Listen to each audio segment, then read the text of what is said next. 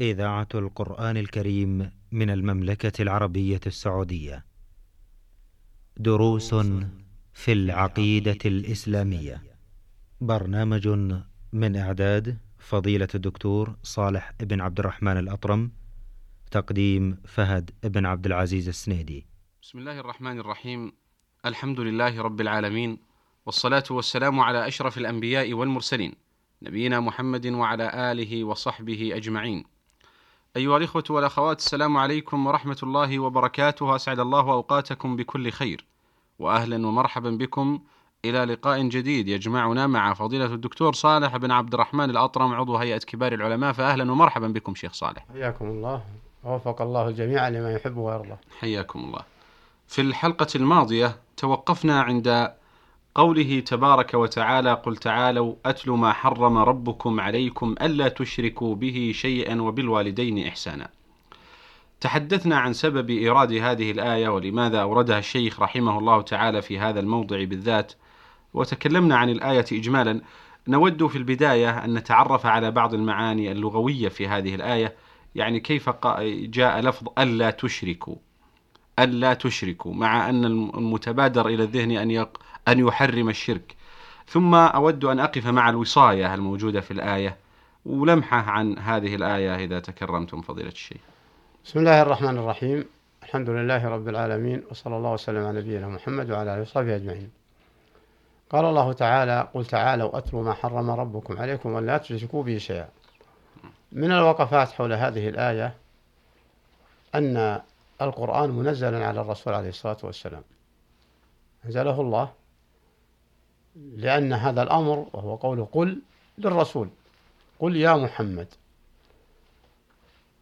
والفائدة الأخرى نعم. وجوب الإصغاء للقرآن على الناس إلى يوم القيامة. لأن قوله تعالى قل تعالوا آمرا نبيه بأن يدعو السامعين ليصغوا ماذا بعد هذا الأمر؟ هو شامل. أين؟ إلى أن تقوم الساعة. فأي إنسان تريد أن تدعوه أو تعلمه فلا مانع أن تقول تعال أصغي سمعك. نعم. وفيها أيضا تأكيد لإصغاء السمع للمهمات العظيمة والمطلوبة من الإنسان. قل تعالوا أتلوا وقوله أتلو دليل على أنه منزل إليه عليه الصلاة والسلام وأنه لم يأتي بشيء من عنده. نعم. لأنه قال أتلو عليكم ما حرم أتلو, أتلو ما حرم ربكم عليكم. نعم. فدل على أنه سيتلو ما نزل به جبريل عليه من الله. نعم. فهذا دليل واضح وعلامة واضحة على وجوب الإصغاء لأوامر الله وأوامر رسوله. نعم. ومن الفوائد قوله تعالى أتلوا ما حرم ربكم عليكم. ما بمعنى الذي؟ الذي حرم ربكم عليكم. نعم. وفيه دليل على أن الإصغاء أو تأكد الإصغاء للمحرم أنه أوجب. لأن اجتنابه لأن اجتناب لأن اجتنابه أمر مهم. نعم. وارتكابه أمر خطير.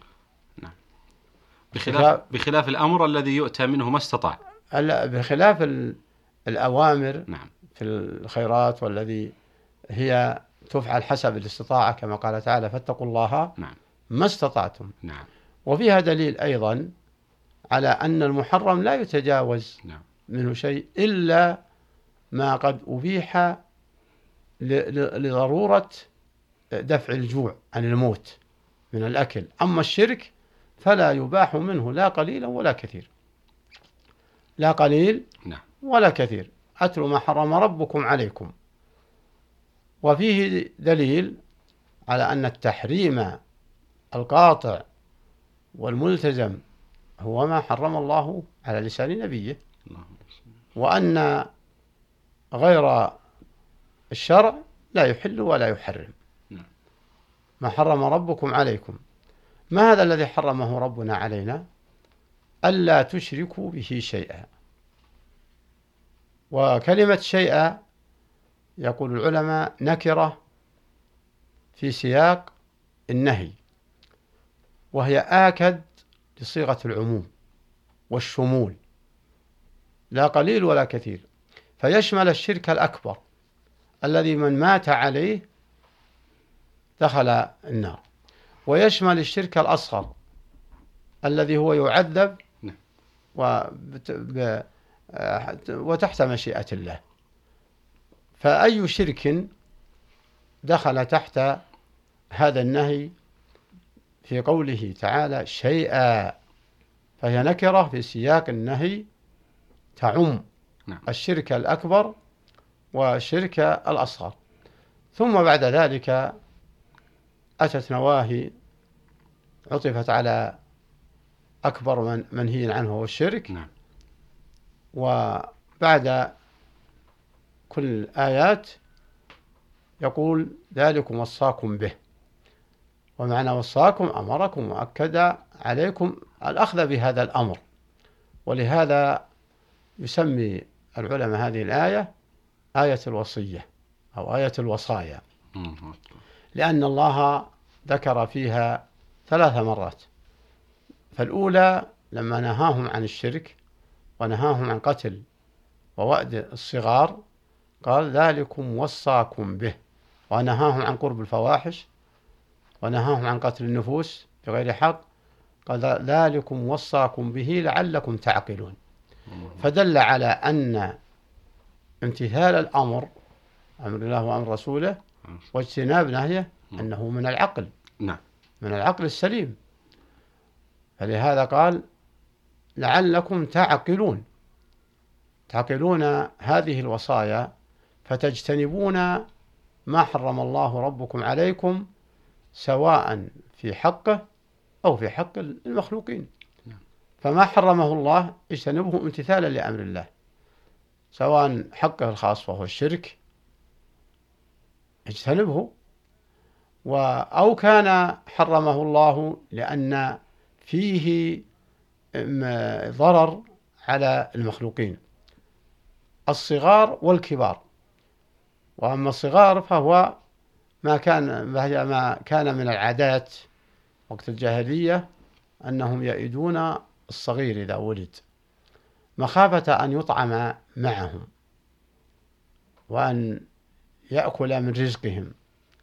فلهذا قال الله تعالى ولا تقتلوا أولادكم من إملاق نحن نرزقكم وإياهم. فالرزق من الله سبحانه وتعالى للصغير والكبير. وأنما وإنما يكون الكبير سببا لالتماس الرزق لينفق على الصغير. وقد يكون هذا الصغير سببا لرزق الكبير. فالله جل وعلا حرم قتل ووأد الصغار من ذكور أو إناث مخافة أن يطعم معه أو أن يأكل من رزقه. وما من نفس تنفس إلا وقد كتب الله رزقها وأجلها. وإنما آه، جعله الله على يد والده أو من يقوم عليه سببا لالتماس الرزق. فييسره الله على يد من يقوم على هذا الصغير ويكون هو السبب والله هو الذي أوجد هذا الرزق وفتح أبواب الأسباب لهذا لهذا القائم على الصغير. فحرمت هذه الصفة ولشناعتها ولشناعتها جاءت بعد النهي عن الشرك وبعد الأمر بالإحسان بالوالدين فدل على أن الشرك أكبر الكبائر ودل على أن عقوق الوالدين هو أكبر الكبائر بعد الشرك ودل على أن الإحسان أفضل الإحسان على الوالدين أفضل أفضل ما أمر الله به وأفضل حق على الإنسان. ثم نهت الآية عن قرب مال اليتيم لأنه ضعيف وأمرت بالوفاء بالعهد وأمرت بالعدل بالقول ثم قال ذلكم وصاكم به لعلكم تذكرون. ذلكم وصاكم به لعلكم تذكرون. ثم بعد ذلك آه، جاءت منهيات أخرى قال ذلكم وصاكم به لعلكم تتقون. ثم ختم الآية في قوله وأن هذا صراطي مستقيما فاتبعوه ولا تتبعوا السبل. نعم. فتفرق بكم عن سبيله ذلكم وصاكم به لعلكم تتقون. فما أعظمها من الأولى آية؟ الأولى لعلكم تتقون الأولى لعلكم تعقلون. نعم. الأولى والثانية تذكرون. نعم. والأخيرة تتقون. نعم. التي هي بعد النهي عن قمار اليتيم إلا بالتي حتى أبلغ أشده. وإذا قل وإذا قلتم فعدلوا وكان ذا قربى وبعد الله أوفوا ذلكم وصاكم به لعلكم تذكرون. نعم. والأولى تعقلون. نعم. آه ف... ثم في الأخيرة تتقون. والأخيرة تتقون. نعم. و... وانظر يا أخي كيف ختمها ختم آه هذه الآية التي أولها تنهى عن الشرك وتنهى عن الكبائر وتأمر ببر الوالدين. ختمها بالتقوى لأن التقوى هي التي تحجز الإنسان عن الإقدام على ما حرم الله أو عن الإقدام على ترك ما أمر الله. نعم. فالتقوى أمرها عظيم. ولا تحصل هذه التقوى إلا من عاقل. ولهذا تقدمت ذلكم وصاكم به لعلكم تعقلون. إذ لا تقوى إلا بعقل وإذا ضاع العقل ضاعت التقوى. وقد يكون فيه تقوى ويحتاج إلى تذكر. و واتعاظ واتعاظ إذا المسلم لا بد له من عقل وعقل متذكر وعقل يتقي. وبهذا تستقيم أحواله في هذه الدنيا ويربح في آخرته. فما أعظمها من آية. و فما أعظمها من آية. وكلها منهيات إلا الأمر ببر الوالدين والوفاء بالعهود. فانظر إلى تعظيم الله لحق المخلوقين وآكدهم الوالدين ثم من التزمت له بعهد. نعم. فعليك الوفاء. نعم. آه، في الآية الأخيرة أيضا قال سبحانه وأن هذا صراطي مستقيما فاتبعوه. نعم. أولا آه، لماذا قال مستقيما؟ هكذا نصبا. هل هو على الحال؟ آه، كأن المتبادر أن يقول مستقيم. لأنها تكون خبر كان خبر إن أو أن. لكنه قال مستقيما على أنها نصب على الحال. ولعل المعنى والله أعلم أنها مستويا قيما. لكن آه، لماذا ختم الآية بقوله وأن هذا صراطي مستقيما؟ فاتبعوه. وقد بدأها بقوله تعالى واعبدوا الله ولا تشركوا به. يوضح هذا. نعم. ما شرعه الله لنا في كل ركعة من ركعات الصلوات من قراءة سورة الفاتحة التي تشتمل على قوله تعالى بعد تعظيمه والإقرار له بالعبودية والاستعانة به اهدنا الصراط المستقيم. اهدنا الصراط المستقيم. والصراط المستقيم هو الإسلام. وهذا الذي عليه أهل العقل وأهل الدين صراط الذين أنعمت عليهم من النبيين والصديقين والشهداء والصالحين فقوله أن هذا صراطي مستقيم الإشارة اسم إن. صراطي خبر لأنها معرفة. نعم. ومستقيما حال. الله أكبر. يعني ليس صراطا فيه اعوجاج. نعم. بل هو مستقيم. فلا عذر لأي لأي إنسان إلا من فقد عقليته. فهذا يعتبر كالبهيمة. نعم. ففي حالة فقده العقلية لا يؤخذ كالصغير والمجنون والمعتوه. وأن هذا صراطي مستقيما فاتبعوه. وهذا أمر يقتضي الوجوب. ويبين أن من أفلت يده من هذا الصغير من هذا الصراط من أفلت يده من هذا الصراط أنه خاسر. شكر الله لكم يا شيخ على هذا البيان وأسأل الله تعالى أن يتجدد لقاء وأنتم على خير.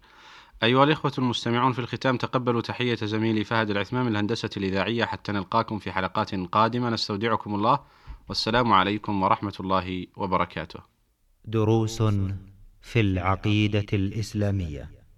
برنامج من إعداد فضيلة الدكتور صالح بن عبد الرحمن الأطرم. تقديم فهد بن عبد العزيز السنيدي.